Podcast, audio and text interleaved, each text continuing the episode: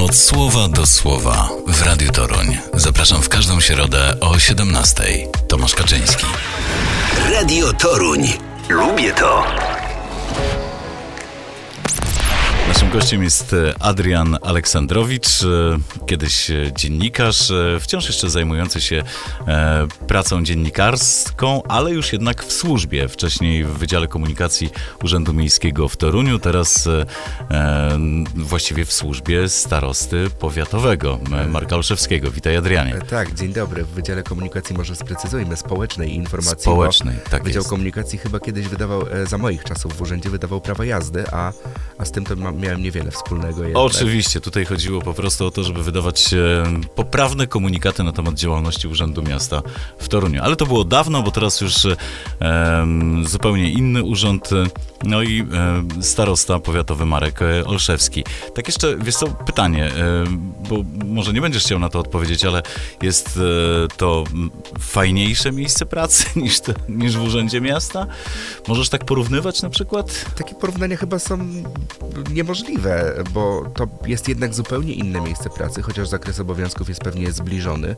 To każdy urząd ma swoją specyfikę, ale ja zawsze, mm, od kiedy tylko pracuję zawodowo, to najbardziej mi zależało na ludziach. Mm. I ludzi no nie można porównać, bo każdy jest inny. No tak, prezydenta Zaleskiego i e, starostę Marka Olszewskiego trudno nawet porównywać, prawda? Zupełnie inne charaktery i temperamenty. Ale to obaj są samorządami, samorządowcami, przepraszam, z krwi i kości i mają e, już kilkunastoletnie e, doświadczenie. Pan prezydent przecież zrobił ogromną ilość dobrych rzeczy dla, dla miasta. Pan starosta działał wpierw na rzecz mieszkańców gminy Lubicz, teraz na rzecz mieszkańców powiatu, no i, no i nie zapominajmy też o jego ogólnopolskiej karierze, no bo przez wiele lat był czynnym działaczem z Związku Gmin Wiejskich RP. Był też członkiem Komisji Wspólnej Rządu i Samorządu, no i pracował w Komitecie Regionów w Brukseli i na pewno to doświadczenie przekłada na swoje codzienne obowiązki. Zapewniam Cię, że Adrianie, że zarówno były pracodawca, jak i obecny pracodawca mogą być naprawdę zadowoleni z Twojej odpowiedzi. Wszystko jest tak, jak powinno być.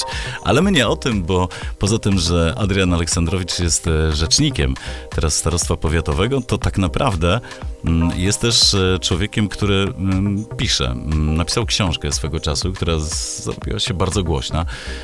W pewnym momencie naprawdę wszyscy o tym mówili. Napisałeś o raku, czyli temat bardzo trudny. Wiesz co, chyba właśnie dlatego napisałem tę książkę, żeby ten temat taki trudny nie był. Mhm. Bo tak na dobrą sprawę towarzyszy nam taki totalny patos co do tej choroby. My ją w pewien sposób się jej boimy, co jest naturalne, bo każdej choroby trzeba to trochę, się bać. To trochę tak jest z każdą chorobą, że zwykle o chorobach y, trudno się rozmawia. Znaczy, Tylko boimy się, się chorób. Wydaje mi się, Tomasz, że to jest na takiej zasadzie, e, że są choroby i jest nowotwór. Mhm. No tak, bo to jest Więc. choroba, która grozi śmiercią. Ale tak na dobrą sprawę nawet żyjemy w takich czasach, że mamy wręcz e, dobitny przykład, że nawet grypa może okazać się śmiertelna, prawda? Wszystko... Ale rak brzmi przerażająco. Wciąż bardziej niż grypa. Masz absolutną rację i też wydaje mi się, że po to była ta książka, która już ujrzała światło dzienne w 2018 roku, bodajże w maju, z tego co pamiętam. E, ona była napisana po to, żeby trochę ludzi przyzwyczaić do tej choroby i nauczyć wszystkich o tym rozmawiać. Zburzyć jakieś tabu, bo w naszym społeczeństwie, chociaż żyjemy w środku Europy w XXI wieku, to ciągle choroba jest tematem tabu, ciągle wstydzimy się tego, że chorujemy, ciągle, nie wiem, młodzi mężczyźni wstydzą się tego, że może im, może ich spotkać e, nowotwór jąder, ciągle kobiety, e, które przechodzą chemioterapię wstydzą się tego, że prawdopodobnie wypadną im włosy, no i wydawało mi się wtedy, i wydaje mi się tak ciągle, te, teraz po tych ponad czterech latach, że to jest zupełnie niepotrzebne. Że im szybciej oswoimy się z tym tematem i będziemy prościej i łatwiej o tym rozmawiać, tym efektywniejsza będzie profilaktyka i wszelkie działania edukacyjne. A powiedz, y, czy udało Ci się osiągnąć cel, przynajmniej w jakimś stopniu, na przykład, y, bo masz jakiś feedback w rozmowie z ludźmi, którzy tę książkę przeczytali albo przeszli chorobę i w sposób naturalny byli y, tym, co napisałeś, zainteresowani. Czy rzeczywiście to tabu zostało przynajmniej częściowo przełamane? Znaczy, to na pewno nie jest tylko i wyłącznie zasługa tego, co udało mi się stworzyć te mm, cztery mhm. lata temu, bo to cała kilkunastu nas to już letnia historia Akademii Walki z Rakiem właściwie sprowadza się do tego, żeby, żeby oswoić e, chorobę. E, to chodzi o takie dobre, pozytywne przykłady, tak? E, już, już pracując y, dla pana starosty, dla mieszkańców powiatu, realizowaliśmy taką kampanię, która nazywała się Gramy przeciwko rakowi i jej założenie było bardzo podobne co do tego, co mi się udało y, stworzyć 4 lata temu.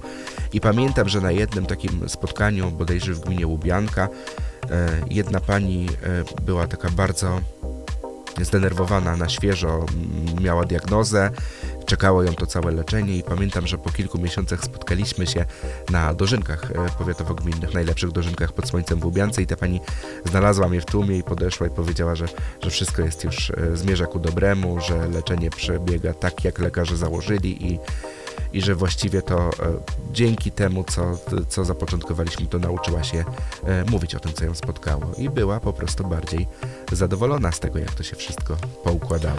To są fajne historie i to jest e, to coś, co zawsze dobrze jest przytoczyć, tego typu rozmowy. A powiedz jeszcze, bo kiedyś chyba mm, od razu jak książka się ukazała, to jednak mówiłeś dlaczego. Dlaczego zainteresowałeś się tym i dlaczego, co cię zainspirowało do tego, żeby wybrać ten temat?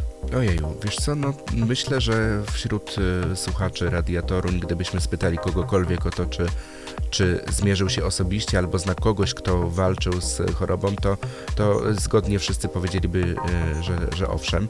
Jeśli, jeśli się mylę, to oczywiście przepraszam i kibicuję, jak najbardziej trzymam kciuki, żeby takich osób nie mierzących się z tym wyzwaniem było jak najwięcej, ale no realia są takie, że raczej, raczej choroba dotyka coraz więcej e, osób i musimy być na to przygotowani. Oczywiście jest e, zmiana pokoleniowa właściwie, jeśli chodzi o to, o jak, jak o tym rozmawiamy, e, że w ogóle poruszamy ten temat, natomiast jeszcze jest dużo pracy przed nami. I co mnie przekonało? No moje osobiste doświadczenia rzecz jasna przekonały mnie do tego, że warto. E, Jak e, choroba spotkała moich najbliższych, to też e, nie potrafiłem sobie przez długie lata w sobie tego przepracować. To się w końcu udało. Potem się okazało, w momencie właściwie, gdy książka już wychodziła, że, że, że chory jest ojciec mojego najbliższego przyjaciela. Ta historia się skończyła bardzo szybko, bo, bo diagnoza została postawiona bardzo późno. No i dlatego stwierdziłem, że, że trzeba, żeby właśnie ludzie będący na moim miejscu, czy też na miejscu moich, y, moich bliskich y, wiedzieli, co z tym zrobić. No bo tak na dobrą sprawę do pewnego momentu mamy wpływ na wszystko. Potem to już jest kwestia opatrzności, y, czy ta historia skończy się szczęśliwie, czy nieszczęśliwie. No ale czy w takim, czy w takim przypadku musimy umieć z tym żyć, tak? I to właśnie, po, po, po to powstała ta książka, żeby, żeby spróbować ludziom pokazać różne perspektywy. Też perspektywę żałoby, bo o tym się właściwie nie mówi, tak? Tak. Powiem ci też, e, zdradzę ci, bo może nie jesteś do końca tego świadomy, ale w tym momencie też przełamujemy pewne tabu, bo co do zasady mm, rozmowy, zwłaszcza nieco dłuższe, e, o chorobach na antenie radiowej komer e, komercyjnej stacji, to nie jest dobry pomysł. Przynajmniej tak, e, mm, tak to jest traktowane w, w świecie radiowym, w branży radiowym, w branży radiowej, więc też trochę przełamujemy pewne tabu i fajnie w ogóle, że mogłeś przypomnieć tej książce. Mm, Czy ona jest jeszcze w ogóle dostępna na rynku? O, zastrzel mnie, nie mam pojęcia. Wydaje mi się, że tak, ale no z racji tego, że ja mam swój jeden egzemplarz, miałem kilka, ale na różne akcje charytatywne mm, po prostu je przekazywałem. No i został mi jeden, leży na półce w jakimś tam miejscu, gdzie mogę na niego spojrzeć i wrócić do lektury, jak mam, jak mam ochotę i właściwie nie była mi ta wiedza potrzebna, czy jeszcze można tę książkę nabyć. Także... Być może po tej rozmowie ktoś zechce się e, tą książką zainteresować. E, będziesz, e, właściwie już piszesz, e, zbierasz się do następnej publikacji. No już od kilku lat myślę, bo właściwie od razu po pierwszej książce myślałem o tym, że trzeba, trzeba iść za ciosem i teraz no to się precyzuje coraz, coraz bardziej. E, Może nawet w tym roku uda mi się wydać drugą książkę. No, okazja ku temu jest, no bo jakby nie patrzeć, to e, piszę je także jako wolontariusz związany od lat z Fundacją Światła, a w tym roku Fundacja obchodzi 20 urodziny, więc no taka okazja e, chyba powtórzy się, no nie powtórzy się już nigdy, tak? Żeby przy okazji takiego jubileuszu udało się opowiedzieć historię osób, którym też ta fundacja w jakiś sposób pomogła. Świetnie, mamy nadzieję, że jeszcze będzie okazja w tym e, roku pogadać, choćby o Fundacji Światło. E, A jeszcze na koniec zupełnie o Twojej pasji, którą ujawniłeś jakiś czas temu, bo e, dla mnie to było ogromne zaskoczenie. Wiedziałem, że jesteś dziennikarzem, piszesz świetne teksty, jesteś radiowcem też, bo przecież masz za sobą również taki epizod i to dłuższy. Dłuższy. Więc tak, więc jesteś radiowcem, dziennikarzem, autorem książki, rzecznikiem obecnie, ale też w pewnym momencie okazało się, że jesteś facetem, który piecze ciasta. To nie jest powszechne, umówmy się, tak? No, jest, ja nie piekę Wiesz- ciast, nie dlatego, że nie chcę, tylko naprawdę ciężko mi się do tego zebrać. Wydaje mi się, że nie umiem. A z drugiej strony próbowałeś kiedyś? Właśnie trochę się obawiam, boję się. Nie, nie chodzi o to, że nie wiem, wydaje mi się to zbyt mało męskim zajęciem, tylko wiesz, boję się do tego zabrać. Dużo składników, wiesz, jakiś czas pieczenia. Tam trzeba się ściśle określonych procedur trzymać. Wiesz co, no ja w ogóle mm, jestem wielkim fanem e, jedzenia i, i gotowania. To znaczy nie tylko dlatego, że lubię jeść, ale, ale jestem też absolwentem Uniwersytetu Mikołaja Kopernika i e, jako jedna z pierwszych osób e, w, w historii tej e, uczelni zajmowałem się taką magiczną dziedziną, która nazywa się historia kuchni. Byłem jednym z, no chyba z pierwszych wychowanków profesora Dumanowskiego, którego serdecznie pozdrawiam. No i jak już była taka, mm, jak już było przede wszystkim to, że mieliśmy wsparcie, mia- miałem jakiś tam feedback e, teoretyczny, tak?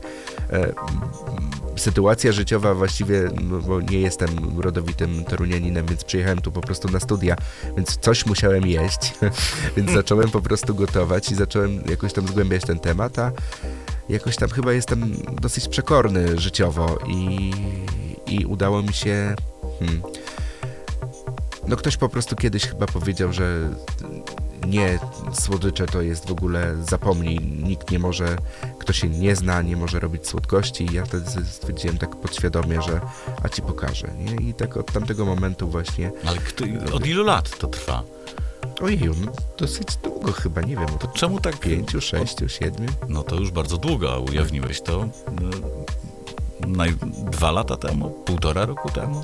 Wiesz co, nie, myślę, wydaje, że nie ujawniłem tego dwóch, dwa lata temu ani, albo e, krócej, tylko e, to był bardzo specyficzny czas ten dwa lata temu i wtedy siedzieliśmy zamknięci w domach Rzeczywiście. i wydaje mi się, że Ujawniłeś, co robisz po prostu. Optyka nam się troszkę zmieniła. Znaczy, ja akurat wtedy pracowałem w Urzędzie Miasta Torunia i o pracy zdalnej nie było mowy, bo to był czas, kiedy wszyscy musieli być na, na posterunku i e, też potrzeby e, pracy wydziału, w którym, w którym miałem przyjemność być, którego miałem przyjemność być częścią, były zupełnie inne niż przed pandemią, ale chodzi mi o to, że nawet publikując jakieś treści w mediach społecznościowych, one docierały do szerszego grona odbiorców wtedy, no bo w tym momencie i wcześniej, przed 2020 rokiem, mogłeś albo śledzić media społecznościowe i surfować po internecie, albo robić 10 tysięcy innych rzeczy.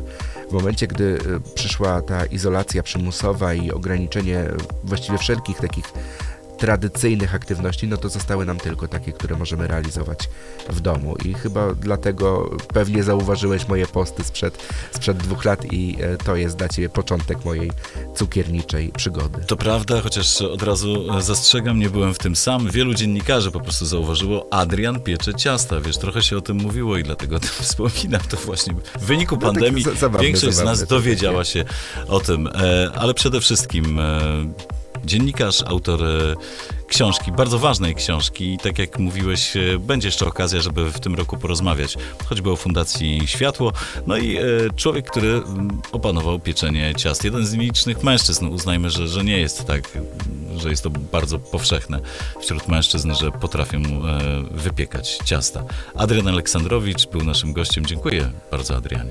Dziękuję serdecznie, było miło Państwa gościć. E, Na pewno Radiotorium będzie mi towarzyszyło e, w wolnych chwilach i bardzo się cieszę, że, że mogliśmy się spotkać. Jestem oczarowany w ogóle studiem, bo jak wspomniałeś, jestem radiowcem, przede wszystkim jestem radiowcem i dawno już nie miałem okazji posiedzieć e, tak blisko konsolety, w dodatku e, w pełni profesjonalnej, chyba cyfrowej z tego co widzę. Tak, tak, jest cyfrowa, a możesz za chwilę sobie usiądziesz i możesz nawet podłubać przy niej. Dobrze, dziękuję. Za chwilę przestaniemy nadawać. Adrian Aleksandrowicz, do zobaczenia. Do usłyszenia, I do dziękuję usłyszenia. serdecznie.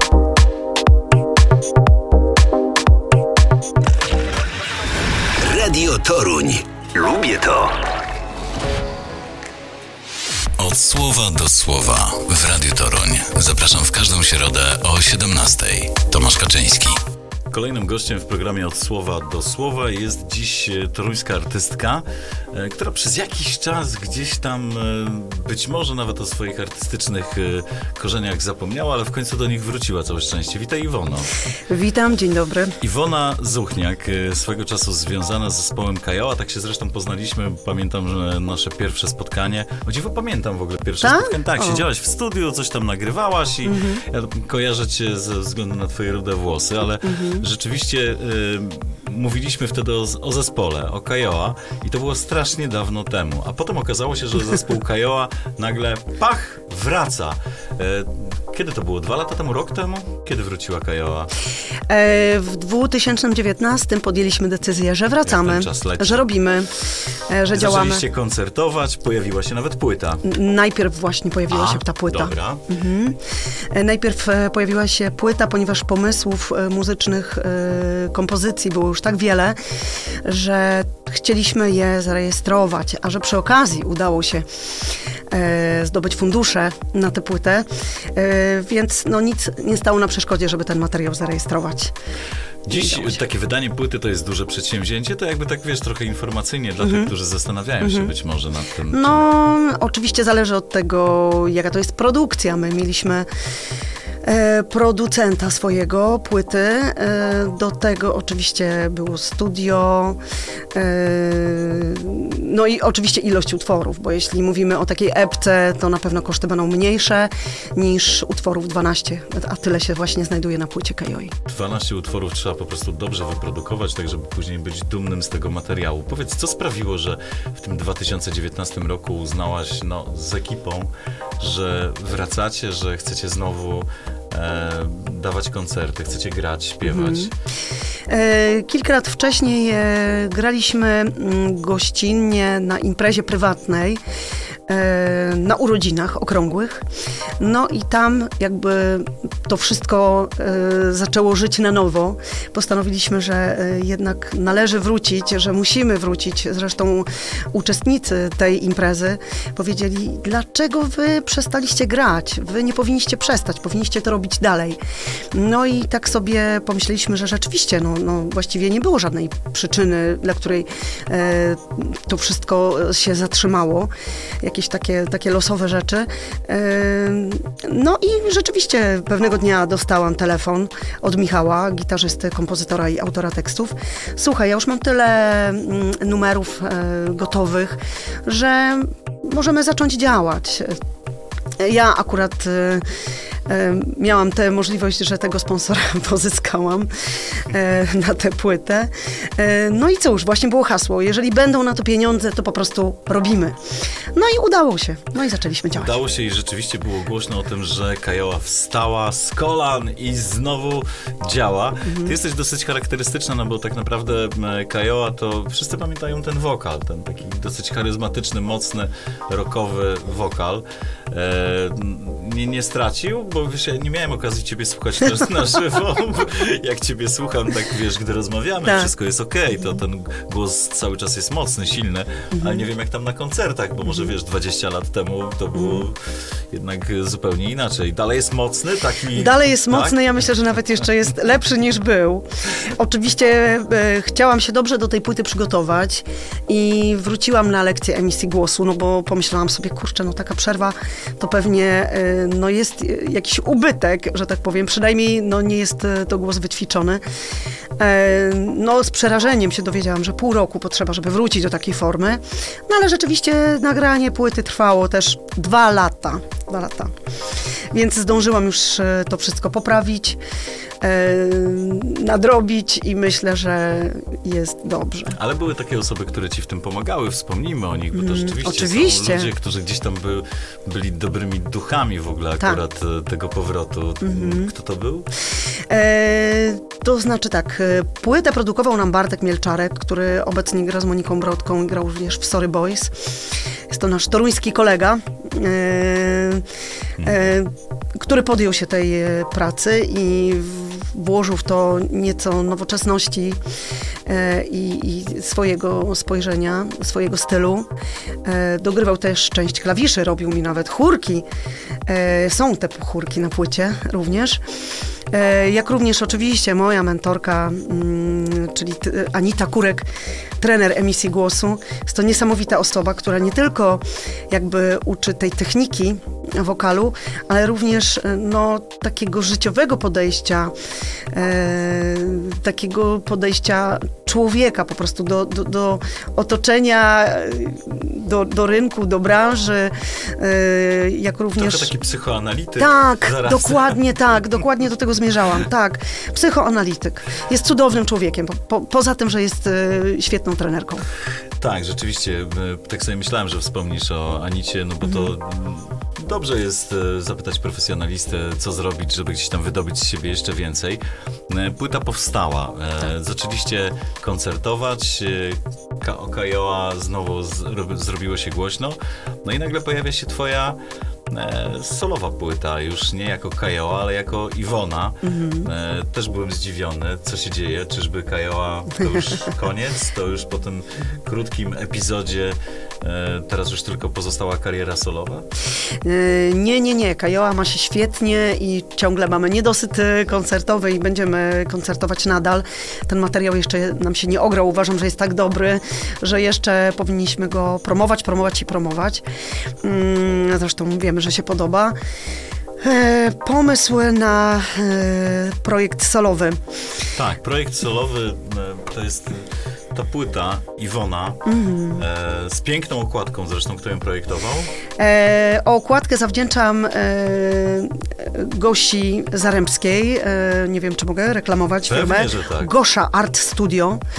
E, dziewczyna bardzo zdolna, która na co dzień zajmuje się projektowaniem e, wnętrz, ale oczywiście no, też e, robi różne rysunki. Byłam mm, na wystawie Gosi, zresztą znamy się tam z różnych innych też biznesowych spotkań. No i właśnie zaproponowałam Gosi, czy by nie podjęła się takiego zadania. Ona stwierdziła, że nigdy tego nie robiła, ale oczywiście jak najbardziej jest to dla niej wyzwanie. Podjęła się, udało się, możemy Tak powiedzieć. Gosza, dziękujemy. Tak jest. Gosza, dziękujemy. E, Iwona, e, to jest, e, my się tak uśmiechamy, ale ta płyta jest bardzo poważna i tematyka jest poważna i też okazja, z której została ona wydana, też jest niezwykle poważna, bo dotyczy mm, czegoś, co jest obecne w naszym życiu, obecne nie tylko i to nie zależy od wieku, w zasadzie dotyka coraz częściej nawet ludzi młodych. Chodzi o depresję. Mm, Czemu akurat zajęłaś się tą tematyką? E, No, żyjemy w takich czasach, że w otoczeniu ciągle słyszymy, że ktoś ma z tym do czynienia w rodzinie. W każdej gdzieś rodzinie słyszy się wśród znajomych, koleżanek e, czy rodziny dalszej, e, że no, coraz częściej ludzie się z tym zmagają. Jest to taka zmora naszych Z czasów. depresją. Tak po jest, prostu. I dokładnie. Trudno się niektórym też przyznać do tego. Mhm. E, coraz częściej zachęcani są, bo to pozwala gdzieś tam skutecznie walczyć później z tą e, chorobą.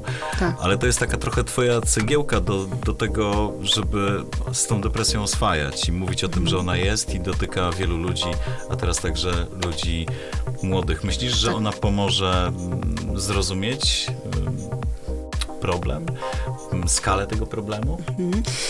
To znaczy, e, ja chciałam zwrócić na to bardzo uwagę, bo tego jest e, wokół mnie i w moim najbliższym otoczeniu również e, sporo przypadków, chociażby ze szkoły, ze szkoły moich córek. I również znajomych, jak również rodziny. Każdy gdzieś właśnie, tak jak wspomniałam wcześniej, miał z tym do czynienia, tym bardziej po pandemii, kiedy dzieci były pozamykane w domach i różnie to odbierały. Utwór miał premierę 23 lutego w ogólnopolskim Dniu Walki z Depresją. E, pomyślałam sobie, że właśnie będzie to dobry moment, żeby utwór Demon e, został e, wyemitowany. To jest utwór właśnie poświęcony temu problemowi. E, Spotkałam się z bardzo dobrym odbiorem. Bałam się trochę tego, że ktoś sobie pomyśli, że mm, no, lansuje się tak na depresji, ale mm, efekt jest wręcz odwrotny. E, Rzeczywiście ludzie piszą do mnie, e, ludzie obcy, bo znajomi również oczywiście, że świetny, świetny tekst, potrzebny, że bardzo prawdziwy, że słychać, że jest prosto z serca, więc e, cieszę się. Dobrze, wiesz co, to to prawda. Właśnie to chciałem ci powiedzieć, że jeżeli już wcześniej pojawiły się takie e, opinie, tak, słychać, że jest taki prosto z serca, że jest taki bardzo osobisty i pięknie zaśpiewany kawałek. E, nie pytam w ogóle o szczegóły, może też nie wypada, za to e, myślę, że to jest też jakaś forma terapii. Tak, zdecydowanie, zdecydowanie. Jest tak, to tak. również forma terapii i myślę, że utwór do e, przesłuchania dla każdego, kto chciałby, no, chciałby trochę się być może nawet e, do czegoś przyznać sam przed sobą. Mhm. Bo to jest, e, bo warto, po prostu warto, a myślę też, że to będzie taki utwór, który będziemy grali w Radio Toruń bardzo chętnie. Bardzo I miło. bardzo Ci za ten kawałek e, dziękujemy. Iwona, e, Iwona, nie będzie tak, że będziesz tylko solistką i do Kajoła wrócisz, tak? To znaczy ja cały czas jestem, ja, ja nie odeszłam. Okej, takie pogłoski, wiesz, zaczęły No nie, no nie. Kajoła jest zawsze w moim sercu, była i będzie. Zawsze była numerem jeden. To oczywiście była przygoda, przypadek, przygoda, jak to zwykle bywa w życiu. No i trochę taka mm, próba sprawdzenia siebie, bo zamysł tego projektu był zupełnie inny. Mieli być różni kompozytorzy. Mm, e, muzyka miała być ostra, rockowa, jeszcze bardziej niż w Kajoi, no bo oczywiście nie wyobrażałam sobie, żeby to była Kajoa 2, no bo to nie miałoby najmniejszego sensu. E, No i po różnych sygnałach, po różnych e, doświadczeniach z muzyką elektroniczną, Wyszło na to, że jest bardziej elektroniczne. e, wyszło na to, że jest bardziej elektroniczne, ale oczywiście nie brakuje tam e, wspaniałych gitar Krzysia Marciniaka który po prostu zagrał to w taki sposób, że za każdym razem jak tego słucham, to y, mam ciarki i łzy w oczach i w ogóle jest y, genialnym, y, niedocenionym, może niedostrzeżonym, ale już coraz bardziej y, jednak zauważanym e, gitarzystą. E, Są tam trzy utwory. Trzy utwory. Pierwszy demon, o którym rozmawiamy. Drugi chciałabym, który jest nieco może nawet taneczny, e, Jest, radosny. Jest taneczny. No bo właśnie chciałam, żeby był jeden wesoły, no a trzeci to jest taki e, też e, trochę się śmieję, że jest to trochę moja spowiedź. Jest to o kobietach, które zniszczyły mnie trochę w życiu. Oj. To może druga część rozmowy o kobietach, które, Które, gdzieś tam tak. w życiu y, Iwony Zuchniak się pojawiły. Także zapraszamy. Kolejna rozmowa będzie właśnie Świetnie. o tym już teraz y, Wypuszczę polecamy. trzeciego singla. tak jest, Czarne są, Wrony. tak, i to są te czarne wrony właśnie. Iwona, e, Iwona Zuchniak, Iwona e, artystka i Iwona tu jako kobieta, wokalistka, toruńska artystka, która postanowiła zwrócić uwagę na problem depresji. Powiedzmy wprost na de- problem depresji wśród ludzi młodych. Tak, Przede wszystkim. Dziękujemy Ci Iwona. dziękuję bardzo. Od słowa do słowa w Radiu Toruń. Zapraszam w każdą środę o 17. Tomasz Kaczyński. Radio Toruń. Lubię to.